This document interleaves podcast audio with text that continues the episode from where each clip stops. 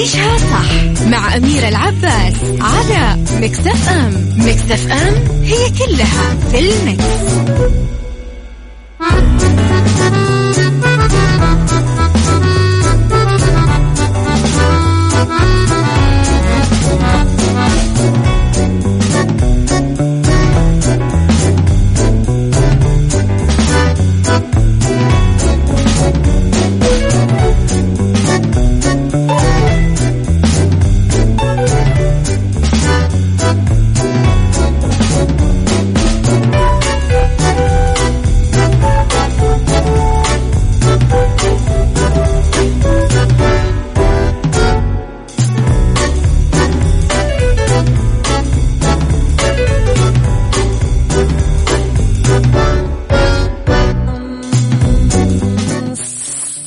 الفل. يا صباح الخير والهنا والسعادة والرضا والمحبة والتوفيق والفلاح والنجاح والأيام الحلوة كلها اللي أتمنى لكم إياها. صباحكم دايما يا ربي تحقيق أمان يا رب الخير لا يأتي إلا بالخير وأمر المؤمن دوما كله خير. كل الأمور اللي متأخرة عليك كل الأمور اللي زعلتك الفترة الأخيرة كل الأمور اللي راحت من يدك كل ما سبق ذكره في طياته خير وراح تشوف وتتذكر كلامي. ثلاث ساعاتنا الجديدة تبتدي وبرنامج عيشها صح يبتدي. طبعا ثلاث ساعات أكون فيها معاكم من وراء المايك والكنترول. أنا أميرة العباس من الأحد والخميس من عشرة الصباح الوحدة الظهر. ساعتنا الأولى دائما أخبار طريفة وغريبة من حول العالم جديد الفن والفنانين وآخر القرارات اللي صدرت ساعتنا الثانية قضية رأي عام و ضيوف مختصين. ساعتنا الثالثة صحة وجمال وديكور ومطبخ على تردداتنا بكل مناطق المملكة. تسمعونا على رابط البث المباشر أيضا وعلى تطبيق Mix FM Android و iOS. إحنا دايما موجودين. آه كواليسنا تغطياتنا أخبار الإذاعة والمذيعين وجديدنا. واقتراحاتكم كلها طبعا على at Mix FM Radio تويتر سناب شات إنستغرام فيسبوك آه طبعا رقم الواتساب Mix FM معك وتسمعك وترسلوا لي تصبيحاتكم ورسائلكم الحلوة على صفر خمسة أربعة ثمانية, ثمانية واحد, واحد سبعة صفر صفر. لرسائل الصباح الحلوة يا صباح الفل يا صديقي اللي ما أعرف دايما اسمك. صباحك ورد صباح الخير يا وليد إبراهيم صباح الخير يا أبو عبد الملك. وصباح الخير يا مين كمان عندنا؟ أبو هاني صباح الورد والجمال. يلا بينا نسمع يا جميل الروح. وهياما. عيشها صح مع أميرة العباس على مكتف أم مكتف أم هي كلها في المكس. لخبرنا الأول أنا وياكم وشهد اليوم العالمي للاتصالات ومجتمع المعلومات بروز.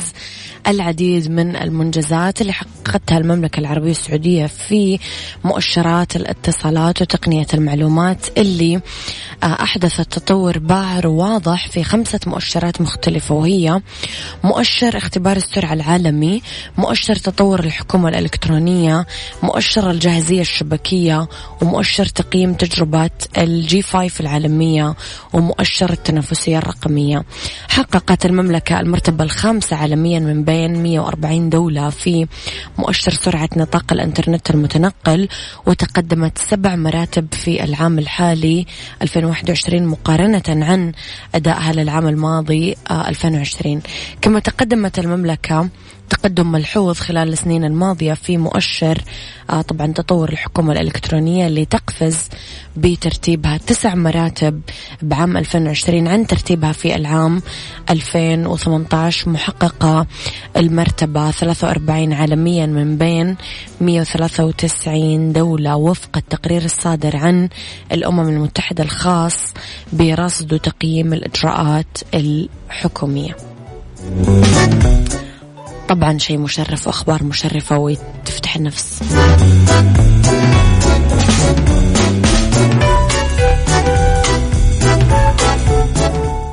عيشها صح مع أميرة العباس على مكتف أم مكتف أم هي كلها في المكس.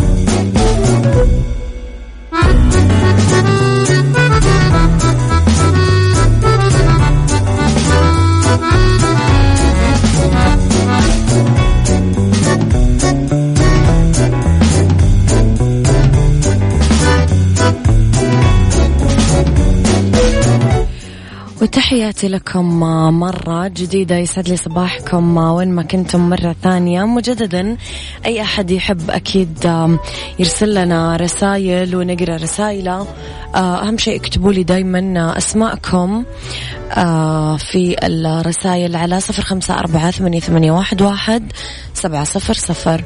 كشفت النجمة المصرية منى زكي في بداية لقائها في أحد القنوات التلفزيونية عن أبرز الصعوبات اللي واجهتها في مسلسلها الرمضاني. آه الأخير لعبة نيوتن. أنا قاعدة أتابع حاليا صراحة مستمتعة. المسلسل ياخذ العقل. طبعا الظروف الصعبة آه خلال مدة التصوير اللي تجاوزت سنة وست شهور في ظل انتشار آه أزمة وباء كورونا. خلال لقائها أبدت رضاها عن الإقبال الجماهيري اللي شهدوا مسلسلها صراحة يستاهل. وحبهم لشخصية هنا وتعاطفهم معاها أحيان كثيرة من قلة خبرة الشخصية وإنها واجهت قلة خبرتها بالإصرار على النجاح آه أنها شخصية إنسانية مركبة واجهت ضعفها وقلة احتكاكها بالناس بشجاعة المواجهة. صرحت النجمة المصرية منى زكي أنها تحضر أعمال جديدة راح تبدأ في تصويرها قريبا وقالت أنها راح تجتمع مجددا بالممثل محمد هنيدي في فيلم جديد من إخراج إسلام خيري أحس بيطلع يعني حاجة خرافية. عبرت منى زكي عن سعادتها بالتمثيل مجددا مع محمد هنيدي بعد 23 سنة. آه، من يوم فيلمهم مع بعض لو تذكرون صعيدي في الجامعة الأمريكية عام 1998 شوفوا قبل. آه وقالت بقالي سنين ما اشتغلتش معاه في حاجة وهو نجم كوميديان كبير وبنبسط بالشغل معاه. آه منى زكي نجمة أنا جدا أحترمها أمانة. إيش رأيكم في لعبة نيوتن؟ تبعتوه؟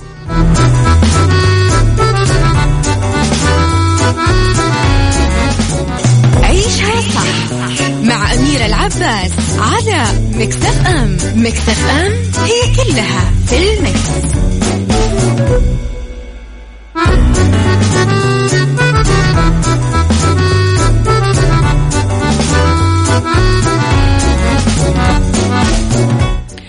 تحياتي لكم مرة جديدة صباحكم هنا وسعادة مرة جديدة. قالت منظمة الصحة العالمية آه، يوم الاثنين أنه العمل لساعات طويلة يقتل مئات الألوف من الأشخاص سنويا في اتجاه يزداد سوء وقد يتسارع أكثر بسبب وفاء آه، وباء كوفيد 19 عذرا. في أول دراسة عالمية عن الوفيات المرتبطة بالعمل لساعات طويلة أوضحت ورقة بحثية نشرت في دورية البيئة الدولية أنه 745 ألف شخص ماتوا بسبب الإصابة بسكتة دماغية. أو أمراض القلب المرتبطة بالعمل لساعات طويلة في 2016 وبلغت نسبة الزيادة قرابة 30% عن عام 2000 قالت مديرة إدارة البيئة وتغيير المناخ والصحة في المنظمة العمل لمدة 55 ساعة أو أكثر أسبوعيا يمثل خطر شديد على الصحة وأوضحت الدراسة المشتركة اللي أعدتها منظمة الصحة العالمية ومنظمة العمل الدولية أنه معظم الضحايا 72% كانوا رجال وكانوا في منتصف العمر للأسف أو أكبر.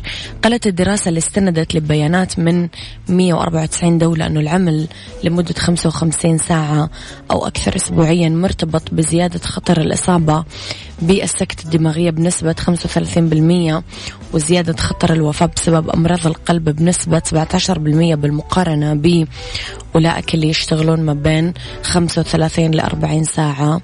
أسبوعيا. ودي أكتب هذه الدراسة بالشوارع أنشرها.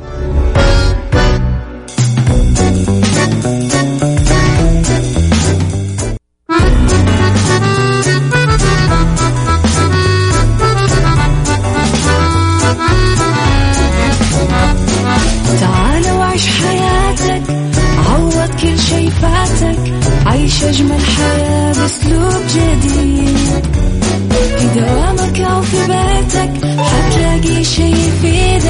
وحياتك إيه راح تتغير أكيد. رشاق ويتوكيت أنا قف كل بيت. ما عيشها صح أكيد حتعيشها صح. في السيارة أو في البيت اسمعنا والتوفيق. تبغى الشيء المفيد ما عيشها صح الآن عيشها صح مع أميرة العباس على مكتف أم مكتف أم هي كلها في المكس.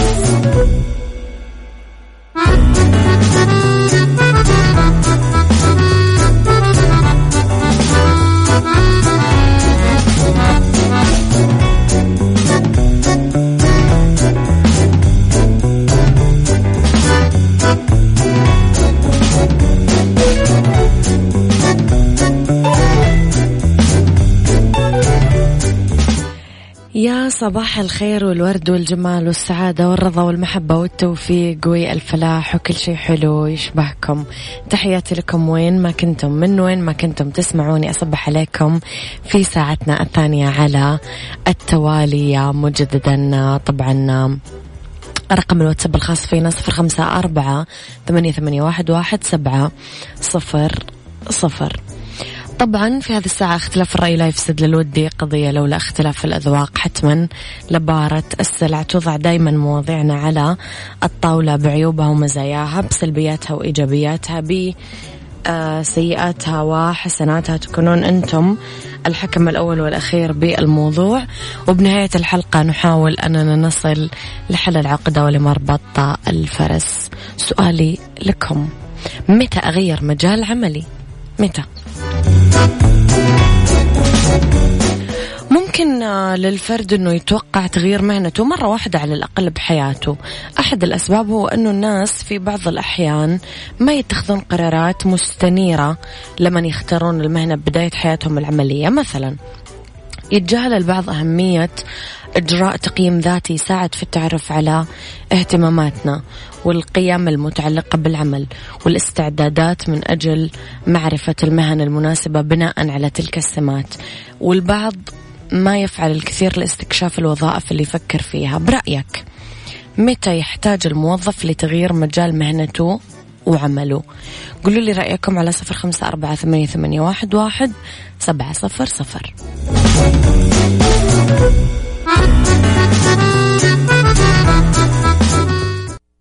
عيشها صح مع أميرة العباس على مكتف أم. مكتف أم هي كلها في المكس.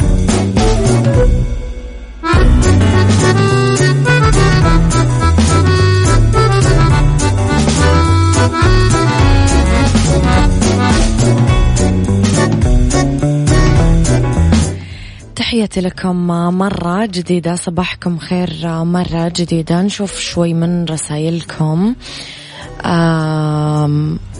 في العودة لموضوع حلقتنا لما اخترنا مسيرتنا المهنية للمرة الأولى يمكن كنا في أوائل العشرينات من عمرنا يمكن كان كانت حياتنا مختلفة عن أيامنا حاليا. يعني على سبيل المثال ممكن كنا عزبيين هذاك الوقت بس في الوقت الحالي إحنا نعيل عائلة زوجة وأطفال أو زوج وأطفال. بدأ كأنه مهنة ممتعة فيها كثير سفر وساعات طويلة من العمل.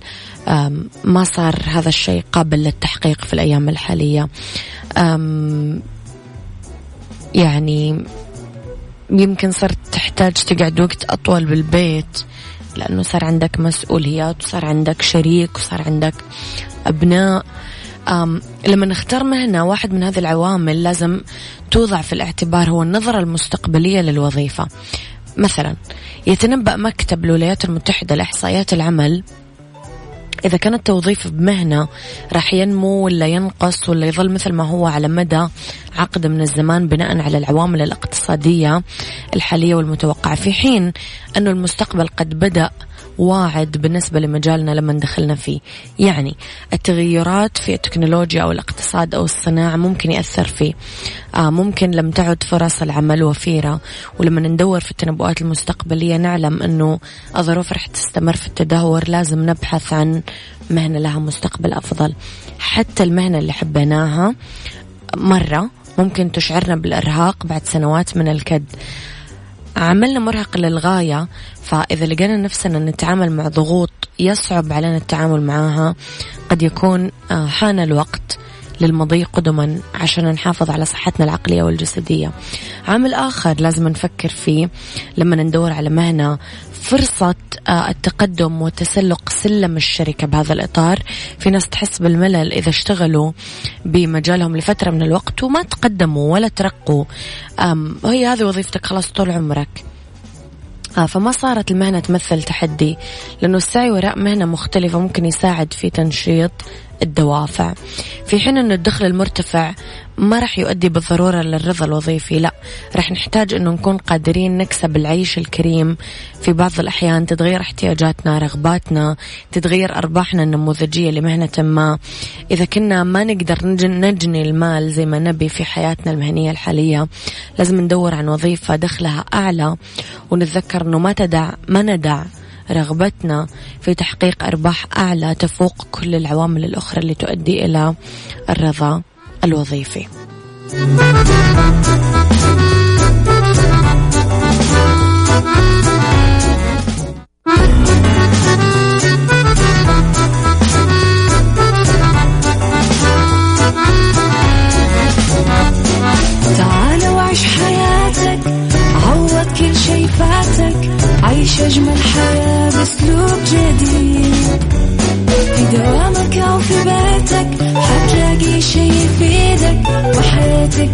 راح تتغير أكيد. رشاق ويتوكيت أنا في كل بيت. ما عيشها صح أكيد حتعيشها صح. في السيارة أو في البيت اضمعنا والتوفيق. تبغى الشيء المفيد ما عيشها صح. الآن عيشها صح مع أميرة العباس على مكتف أم. مكتف أم هي كلها في المكس.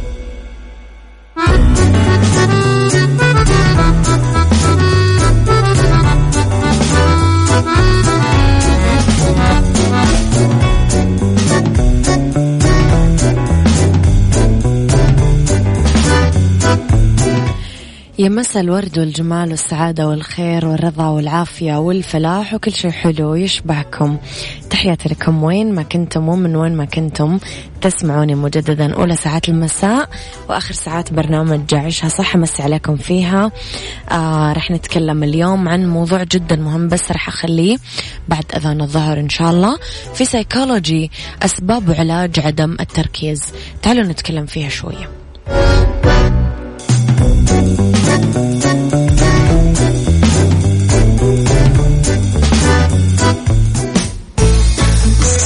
سايكولوجي مع أمير العباس في عيشها صح على Mix FM Mix FM it's all in the mix. إذا لما يكون الشخص مو قادر يركز يصير مو قادر يفكر بوضوح ولا يركز على مهمة ولا يحافظ على انتباهه سواء في العمل أو المدرسة أو الحياة اليومية مما قد يؤثر على طبعا اتخاذه للقرارات. لا يعتبر عدم التركيز حالة طبية طارئة دايما بس عدم القدرة على التركيز يعني أنه إحنا بحاجة لرعاية طبية أو لفترة من الراحة. أسباب عدم القدرة على التركيز ممكن يكون اضطراب فر فرط الحركة ونقص الانتباه اللي هو ADHD متلازمة التعب المزمن ارتجاج في المخ متلازمة كوشنج الصرع الأرق اضطراب اكتئابي حاد اضطراب نفسي مثل الفصام متلازمة تململ الساقين. تشمل التغييرات بنمط الحياة اللي تؤثر على تركيزنا كمان قلة النوم الجوع القلق الإجهاد الزايد. آه، تعد عدم القدرة على التركيز كمان واحد من الآثار الجانبية لبعض الأدوية لذا لابد أنه نقرأ النشرة بعناية أو نتصل بالطبيب عشان نحدد إذا كانت أدويتنا ممكن تأثر على تركيزنا. ولازم ما نتوقف عن تناول أي دواء إلا إذا طلب الطبيب مننا هذا الطلب. طب علاجه أنه ناكل أكل غذائي آه بنظام غذائي متوازن من الحبوب الكاملة فواكه خضروات بروتينات خالية من الدهون. ناخذ عدة وجبات صغيرة كل يوم. نحصل على قسط كافي من النوم. نقلل الكافيين. آه نتخذ خطوات لتقليل التوتر مثل يوغا تأمل اللي هو مديتيشن كتابة بمجلة أو قراءة كتاب. يا عمي قول لهم يتعلموا بقى. يتعلموا منك. في إيه؟ من الرقة دي يتعلموا. عيشها صح مع أميرة العباس على مكتف أم. مكتف أم هي كلها في المكس. Thank you.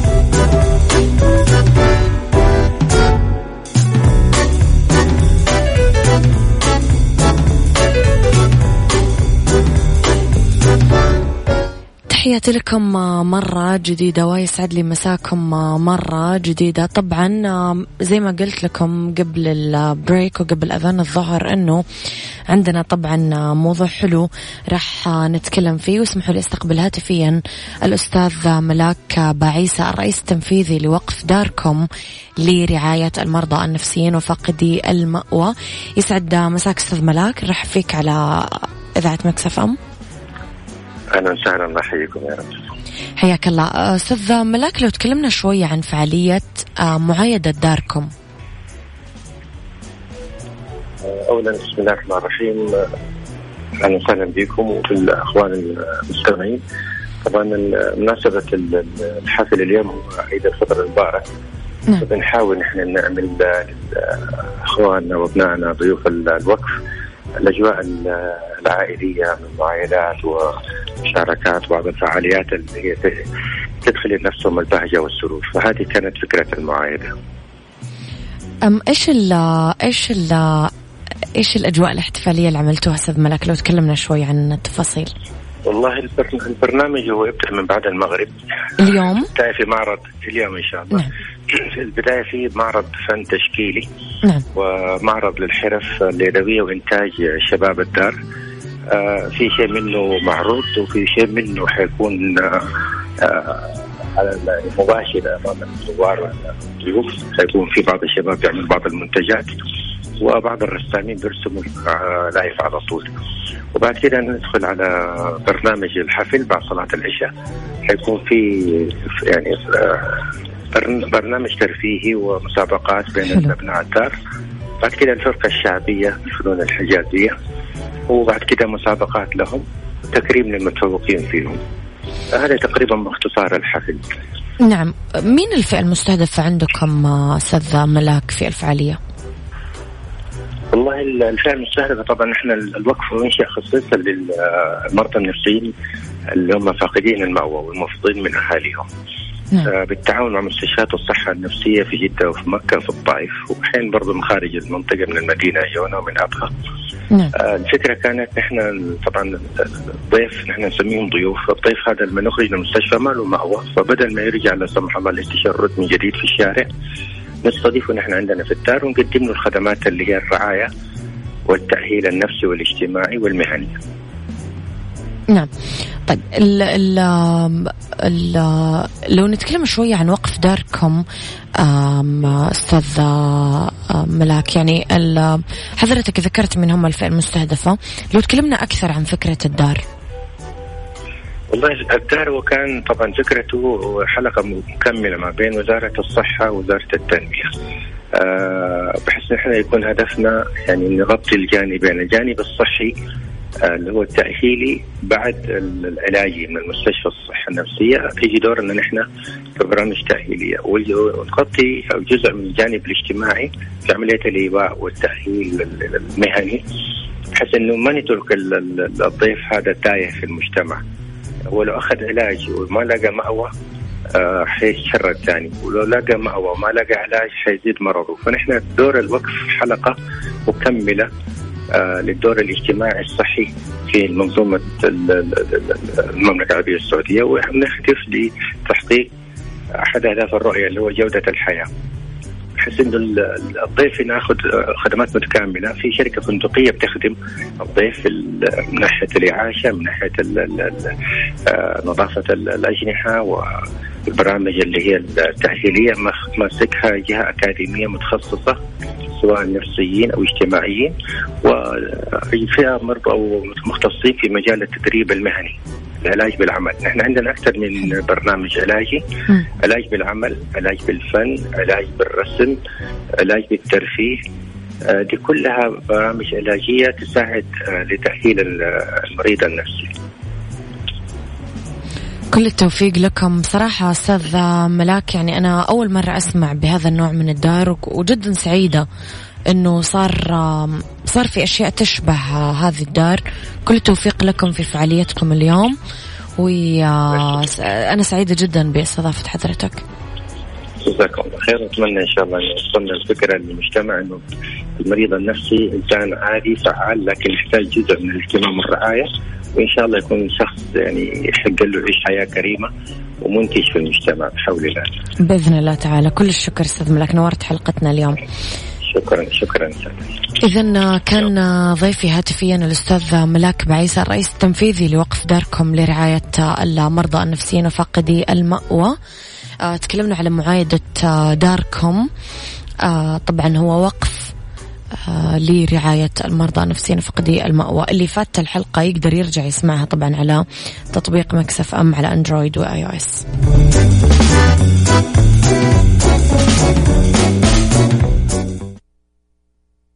بالدنيا صحتك مع أمير العباس في عيشها صح على Mix FM. Mix FM it's all in the mix.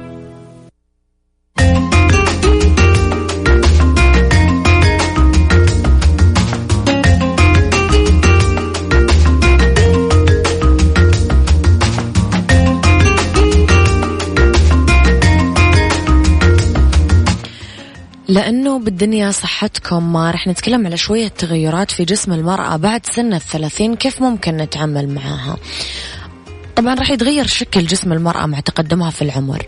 وفي حين لا يمكن تجنب بعض هذه التغييرات بس اختيارات نمط حياتنا آه، قد يبطئ العملية أو يسرعها. وزن الجسم. يتكون وزن آه، جسم الإنسان من الدهون والأنسجة الخالية من الدهون اللي هي العضلات والأعضاء آه، والعظام والماء. بعد سن الثلاثين تفقد المرأة بعض من خلايا العضلات والكبد والكلى وأعضاء أخرى. يقلل فقدان الأنسجة من كمية الموية بالجسم.